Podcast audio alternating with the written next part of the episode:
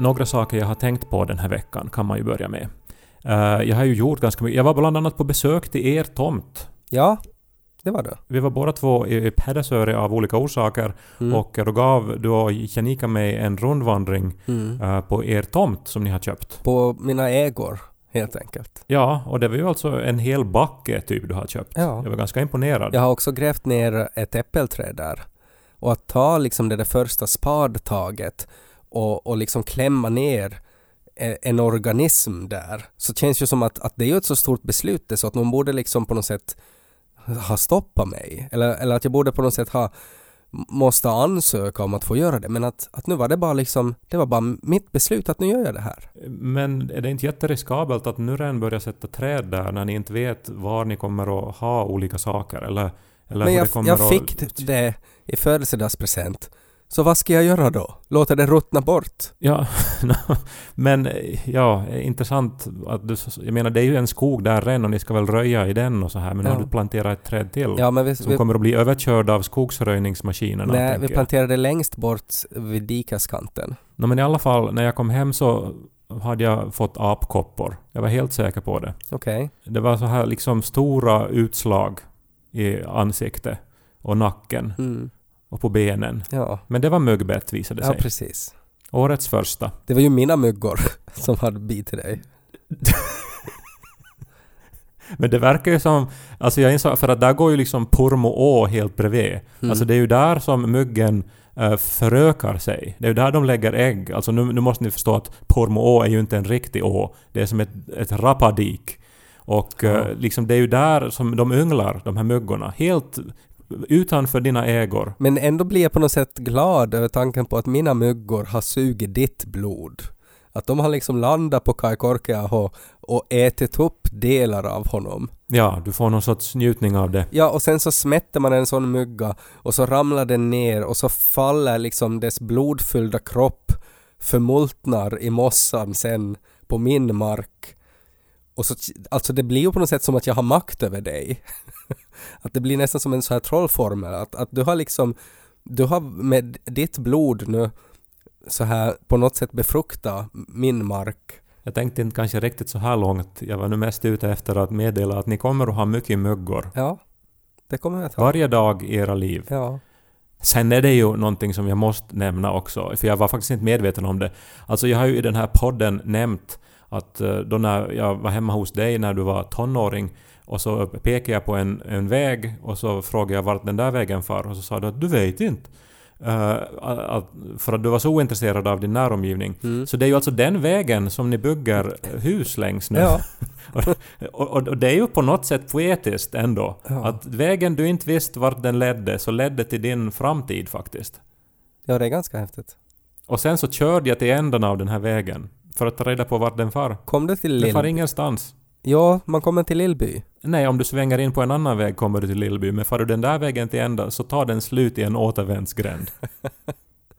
Ja, det är som livet. Man måste veta när man ska sväng, annars kommer man till en återvändsgränd. Ja, men det var ju saker jag har tänkt på i veckan. Sen är ju er lägenhet till salu nu. Mm.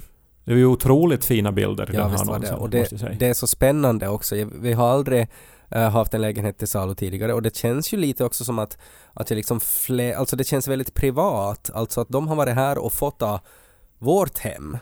Nu är det, nu- och nu är det ju inte liksom sådär att vissa har ju när de eh, sätter ut sin lägenhet till försäljning så kommer ju mäklare och sådär, ett helt team kommer ju och byter ut fula möbler och sådär och, och, och bygger om den till någonting annat. Men att vi har ju inte, vi, vi har inte anlitat en sån tjänst utan att, att, att det är liksom vårt hem som finns nu på något sätt Alltså det, det känns väldigt privat. Att här är liksom foton av vårt hem. Man kan liksom gå omkring i vårt hem och så kan man liksom se våra saker där. Ja, men ja. det är nog det som jag lite ville röra mig mot här. Att, alltså att det är ju faktiskt jättefina bilder och ja, det är ju er lokal. Mm. Men eh, den är ju nog stylad alltså. Till exempel finns det ju alltså ingen elektronik överhuvudtaget någonstans synligt. Nej, jag, äh, jag tejpade upp och det är ju som att mycket. ta bort färgen grön från naturen nu. Vi har ju, alltså det, det, vi har ju städat ju väl, det var ju så här panik. Alltså så här, gör slutstädning var det ju. alltså en, en så här en sån här städning som ett förhållande klarar av, max en sån städning per två, tre år ungefär. Det var en sån städning vi hade. Ja, men det var just elektroniken som får... Alltså där finns ju inte skymten av några liksom VR-prylar eller några spelkonsoler eller datorer eller Steam-skit, vad det nu heter. Och inte några airfryer syntes till någonstans. Nej. Alltså, som såna här... Vet du, som har tagit upp alltså ändå en ansenlig del av ert hem. Allt det var borta. Allt sånt här löst så satt vi i källaren egentligen. Eller egentligen ja, alltså mi mina grejer inser jag. Att mina grejer sattes i källaren. Men framme väldigt prominent så var ju till exempel böcker. Det var ju Knausgård hade placerats längst fram mm. och Kai Korkeahos roman var också väldigt fint placerad. Det var en miss, det var inte medvetet. Jag skulle bara vilja veta hur ni resonerar, men du sa ju redan att det var då ett göra slut-grej, så jag får väl liksom godkänna det då. Ja. Det var, det var en, en smärtsam process. Nej men det var faktiskt alltså, det är ju, det finns ju jättemycket psykologi kring det där, hur det ska, hur, hur bilderna ska se ut, hur det ska lukta i lägenheten när man har visning och sånt där. Uh, och, och vi, vi valde nog egentligen inte att riktigt följa något sånt där, utan att vi tänkte på något sätt att nej men det ska det ska vara liksom, det ska vara mysigt och, och det, det, ska ändå få så här, det ska inte bli för fabricerat. Så därför börjar vi inte liksom, vi börjar inte liksom placera ut böcker utan att, att det, var, det, det, det fick vara så äkta som det är på riktigt också. Men intressant då att när man vill göra det mysigt och representabelt och inbjudande så då gör man det alltså till typ mitt och Nikos hem. Hur menar du då? No, alltså just gömmer undan all sån här elektronikskit och har fram böcker och sånt. Det var, jag tyckte bara det var som intressant att, att ni gjorde ert hem till vårt hem för att få det sålt. Vi har ju inte fått sålt det ännu. Det kan ju hända att, att det är väldigt många som på något sätt upplever att här kan man ju inte bo, att det här är på något sätt får en sån känsla av att man hatar djur när man bor här och som att man som att man på något sätt japanska träsnitt och, och sådär. Det kan ju hända att det kommer som mm. feedback också. Ja, uh, sen så vann ju Finland ishockey-VM det var ju världens fest i stan. Var var ni? Uh, jag, jag tror jag... Nej, jag, jag höll på att fara och sova då. Men jag såg på, uh, jag såg på dina storyn att du var ute i vimlet. Ja, men var var ni? Alla var, precis alla var där. Precis varenda människa var där, utom ni. Jag kommenterade åt Janika att, att, att förstås har Kai farit ut, sa jag. Uh, och, och, så sa hon... Var du så här arg när du sa det också? Nej men jag, jag, jag vet... Du spottade ju dig jag, jag, var, jag var på något sätt alltså... Jag har ett väldigt uh, komplicerat förhållande till att fira eh, så här sportsegrar bland liksom på något sätt så tillsammans. Jag vet, jag, min åsikt är väl att det är väl egentligen bara ishockeylaget som får fira, men att jag är medveten om att, att den är speciell den åsikten.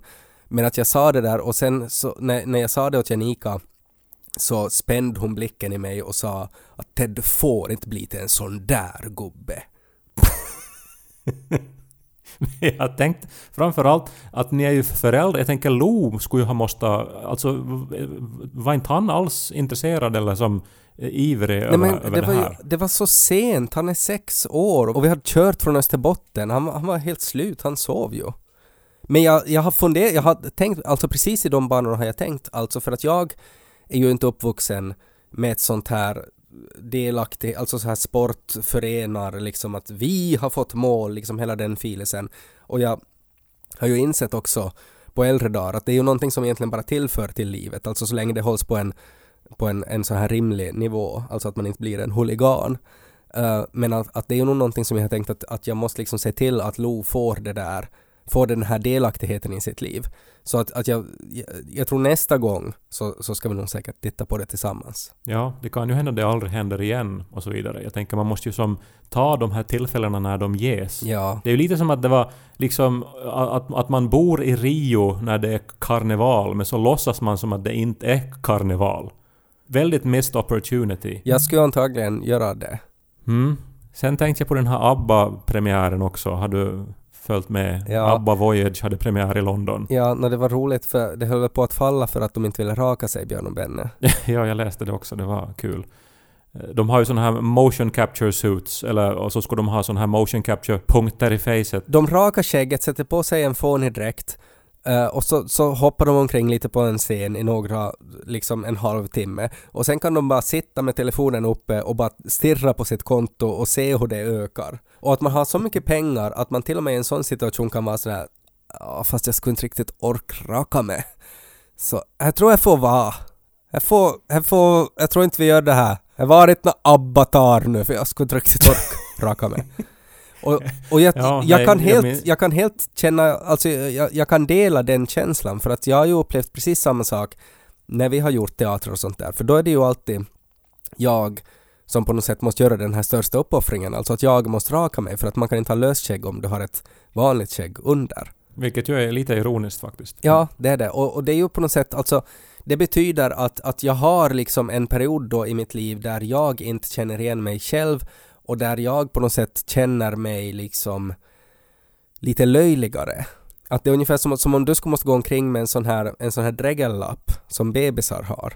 Och du skulle måste gå omkring med den länge och alla skulle se på det och vara sådär att jaha, där går en baby. För så känns det när man är orakad, alltså att man känner sig som en baby. Men det är ju som den här leken man, man roar sig med som barn, att om du skulle få en miljard, skulle du då bla bla bla bla bla. Och att ändå som kunna ta sig till den positionen att hej, du får en miljard om du rakar av dig skägget och vara så här att nej, jag tänker inte raka av mig skägget.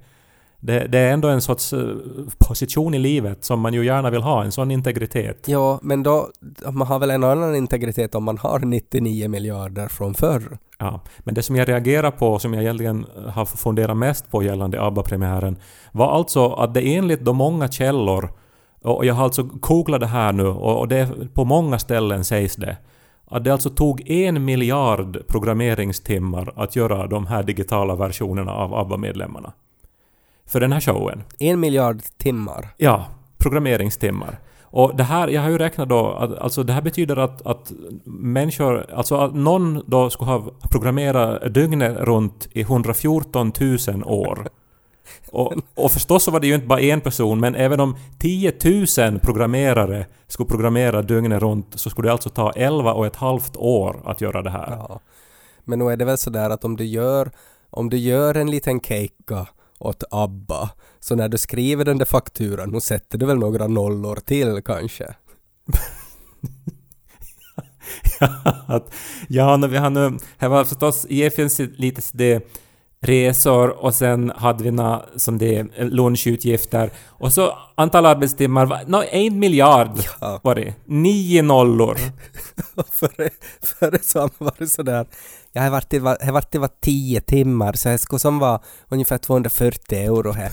Men nu skulle vi kunna ha ta lite mer, det är ju ABBA ändå. Ska vi lägga Ja. 10 och så lägger vi 0, 0, 0, 0, 0, 0, 0, 0 istället. ja, men det är också, alltså om, om- om de alltså gav 15 euro i timlön och det är ju en väldigt låg lön. Jag menar, de här programmerarna är ju världens bästa, men säg nu att det var, Så det är ju liksom 15 miljarder euro bara i lön plus sociala avgifter. Det är liksom någonting här som inte stämmer.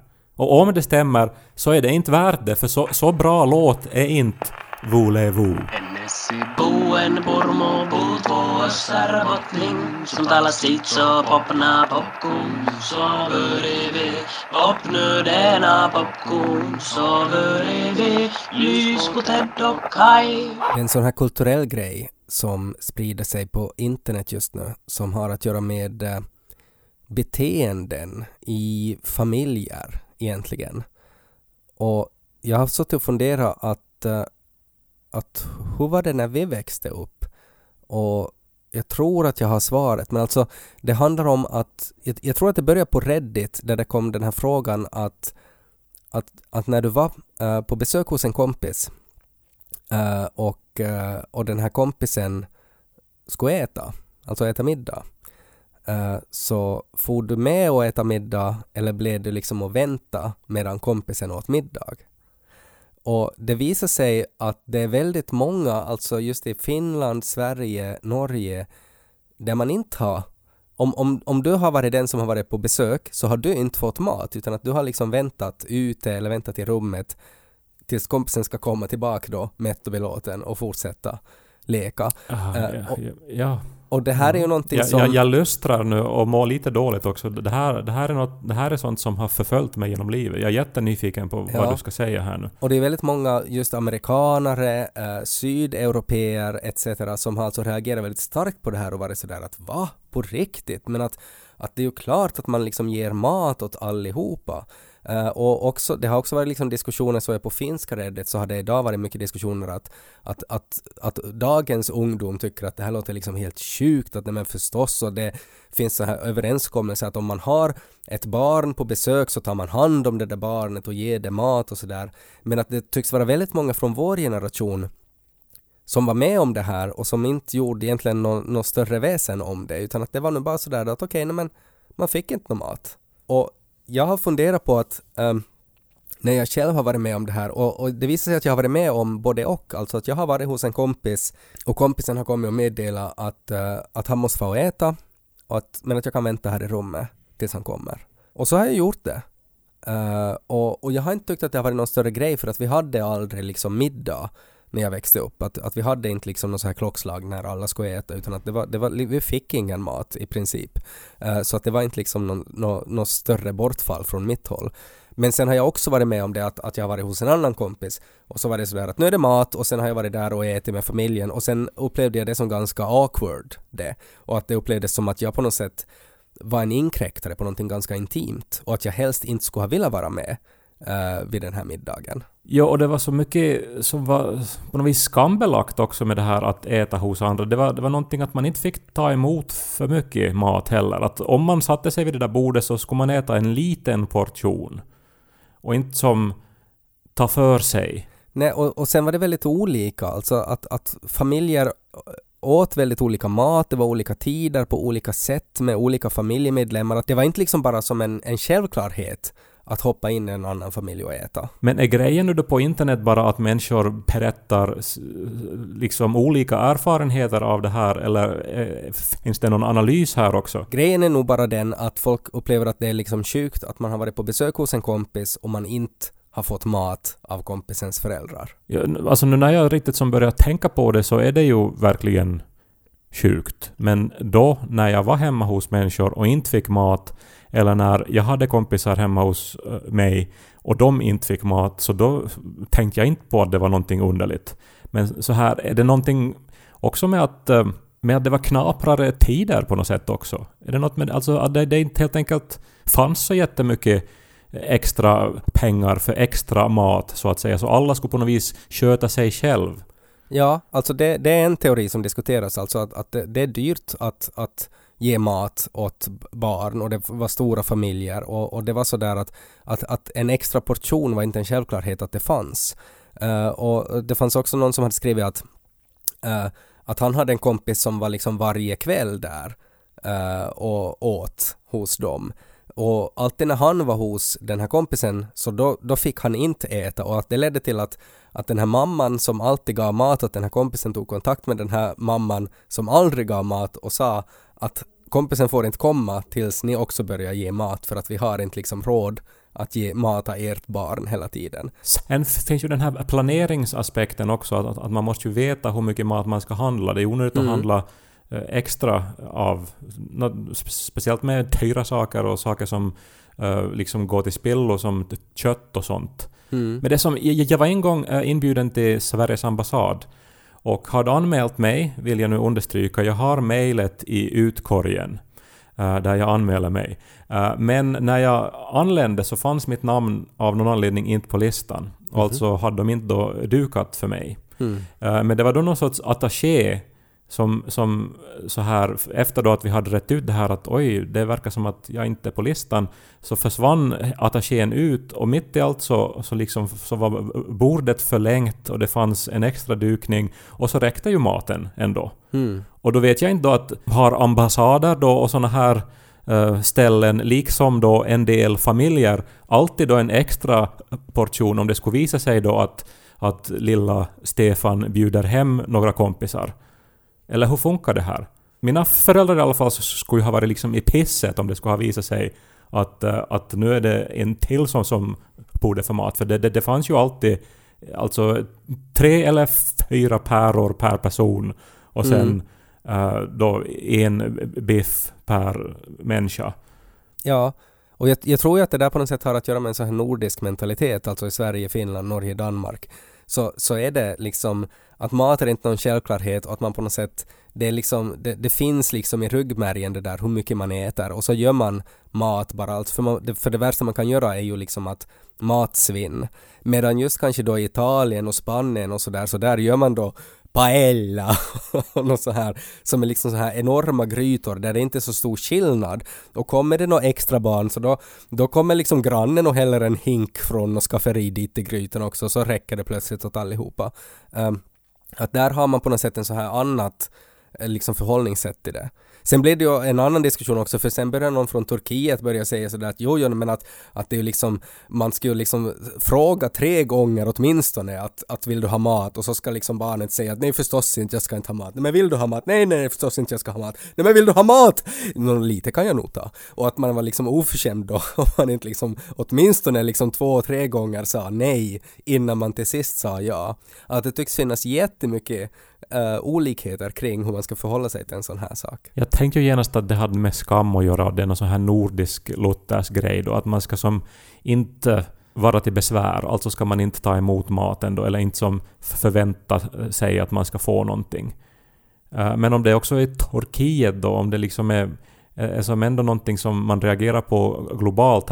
Du sa liksom att medelhavsländerna var då mera så här oförstående för att man inte skulle ge mat. Men mm. kommer de liksom till någon konsensus då, alltså vad är det som mest förenar människor då som inte tar emot mat eller ger mat, eller de som absolut tar emot eller de som absolut ger? Nej, det är det som är kanske det här mysteriet just nu, att, att, att alla håller med om att det är liksom fel att om man har en kompis över, att den kompisen inte får mat. Att det är liksom, det är liksom riktigt knasigt att det är så. Men att det finns inte riktigt någon förklaring till varför det tycks ha varit ett så jätteutbrett eh, fenomen det. Alltså att man som kompis väntar tills kompisen hade ätit färdigt. Men det kan ju säkert ha det att göra med skam. Alltså, det får ju också åt andra hållet. Alltså att, att man kanske inte vill visa åt någon annan familj hur knapert det är.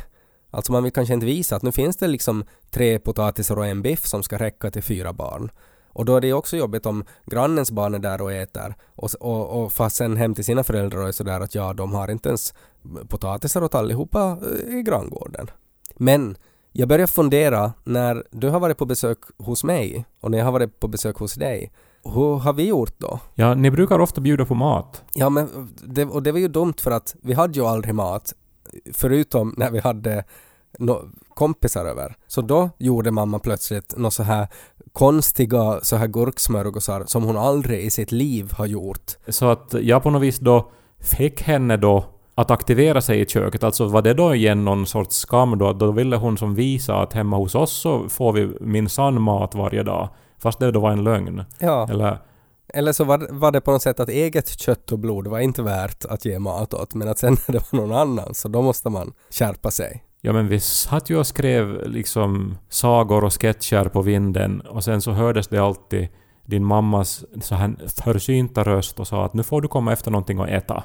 Och sen så gick mm. du ner och hämtade något fat då just med några smörgåsar eller något så här pizza slices eller någonting. En bricka jag aldrig hade sett för med grönsaker som jag, aldrig, som jag inte visste vad de hette på, på så här konstiga bröd som jag aldrig har sett uh, med någon så här papaya juice eller någonting. och så var det som en, en karibiansk sallad som jag kunde liksom sprida ut och så kunde vi äta det. Och det var väldigt, det var väldigt otippat men varje gång när vi hade besök så var det sånt. Har du något minne av då när du var hemma hos oss? Gav vi dig mat eller inte? Jag, jag måste säga att jag, jag, jag har ingen aning. Jag var ju mest hos er nog, för att ni hade internet. Ännu en sak som jag har tänkt på i veckan. Vi hade namngivningsfest med familjen. För min lillebror har blivit pappa till en pojke som fick namnet Vincent i helgen. Och då var vi hela familjen samlade och firade familjen Korkeaho och eh, föräldrarna och Vincent. Det var väldigt fint. Men nu har Vincent fått ett FPA-kort och det var framställt där då på bordet så alla fick se det då. Och eh, där fanns då hans personsignum. Och uh, nu är jag säkert då liksom den sista som noterar då att vi har ett nytt sätt att eh, skriva signum nu då, utan bindestreck. Mm. Uh, möjligen har jag nog noterat det här någon gång, men jag har bara som glömt det. Men hans signum såg ju ut som någon sorts produktkod för någon sorts... Jag vet inte, vet du, när man köper kylskåp uh, så har de ju inte namn utan det är en sån här lång kod. Mm. Uh, så att så såg det ut. Ja. Och det bara slog mig, nu vet jag då inte exakt när den här ehm, reformen inträffar. Jag antar att Lo också har ett sånt här kylskåpssignum. Ja. Han är ett kylskåp. Men att det är ju att de här pinnestrecken då som jag har och som du har och som man ju hade förr då mellan sitt födelsedatum och den här personliga koden. Så det kommer ju att bli som de där metallplomberna som jag också har. Och al- alltså sådana här tecken på, på geriatri eller på liksom svunna tider. Ja. Det är som att när man ringer till någon och, och de svarar i telefon och säger Du har ringt till nummer 23! Nej, jag skulle ringt till 17, förlåt! alltså, det, det är ju på den nivån vi är. Ja men det är hemskt för att det, har ju, det här har som smugit sig på. Alltså för det här är ju en sån här så, sån otrolig förändring eh, och, konkret indelning av människor i gamla och nya människor. Mm. Vi har som inte ens märkt det här. Och det är ju så som världen förändras och så som den här distinktionen mellan gammalt och nytt uppstår. Att, att, att, att såna här förändringar läggs på hög och plötsligt så är man ju en mumie. Från sammanhang som inte existerar längre. Vi är ju ännu inte där, men att snart kommer det ju att om några år så kommer det ju att komma den där nya grejen som du och jag bestämmer sig för att det där börjar inte vi med.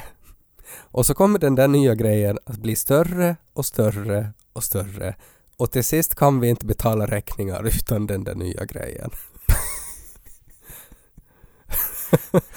Men vi har ju podd! Vi, har, vi, är, vi är ju i framkant. Vi Mm. kan ju inte bli så. Ja, tyvärr så kan vi bli så. Jag tror att det faller liksom när man tar det där beslutet att nej, alltså när man tar det här Björn och Benny beslutet att nej, jag tänker inte raka mig nå, ja. Alltså att, att nej, jag börjar inte med nå smart telefon jag. Och, och då faller man av. Liksom att när du tar ett beslut som resten av moderna mänskligheten bestämmer sig kollektivt för att vi kommer att köra på det här sen. Ni som inte kommer med, ni dör snart, så ni är inte ett så stort problem.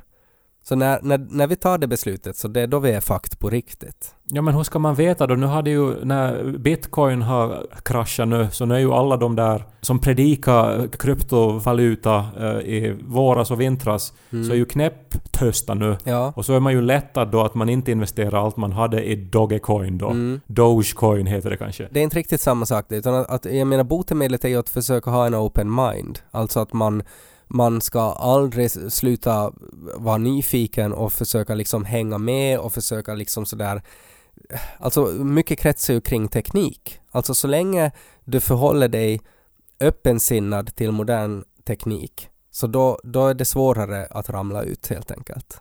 Du är ju nog betydligt mera i farozonen än jag där. Alltså, att jag menar att att, att sen när vi närmar oss mer mot ett airfryer slash VR-samhälle så jag är ju, kommer ju att acceptera det där betydligt lättare än vad du kommer att göra. Så att, att i något skede så kommer det ju att bli alltså att när, när du ska betala räkningen så måste du liksom fråga mig om hjälp. Du blir som mitt barnbarn då, om inte jag har egna. Ja, och sen kan det ju vara att Lo måste göra det åt oss båda då i något skede. Men går det att anhålla om att ändra sitt signum då? Så måste det ju gå att slita ut de här tänderna med plomber och få nya tänder. Det är ju nu alla som plastikopererar sig och håller på med såna här livsförändrande grejer. De borde ju framförallt arbeta för att uppdatera sina signum och sina plomber. Inte ser det ju sexigt ut att vara född på 1900-talet heller. Att det är ju också någonting man borde få fixat då i så fall. Det blir väl aktuellt när man kan sen börja klona upp nya kroppar åt sig. Som växer parallellt. Och så flyttar man över hjärnan sen när det är läge för det. Då ska Björn och Benny vara sådär, ja om man måste raka sig så får det vara. Täytyy kai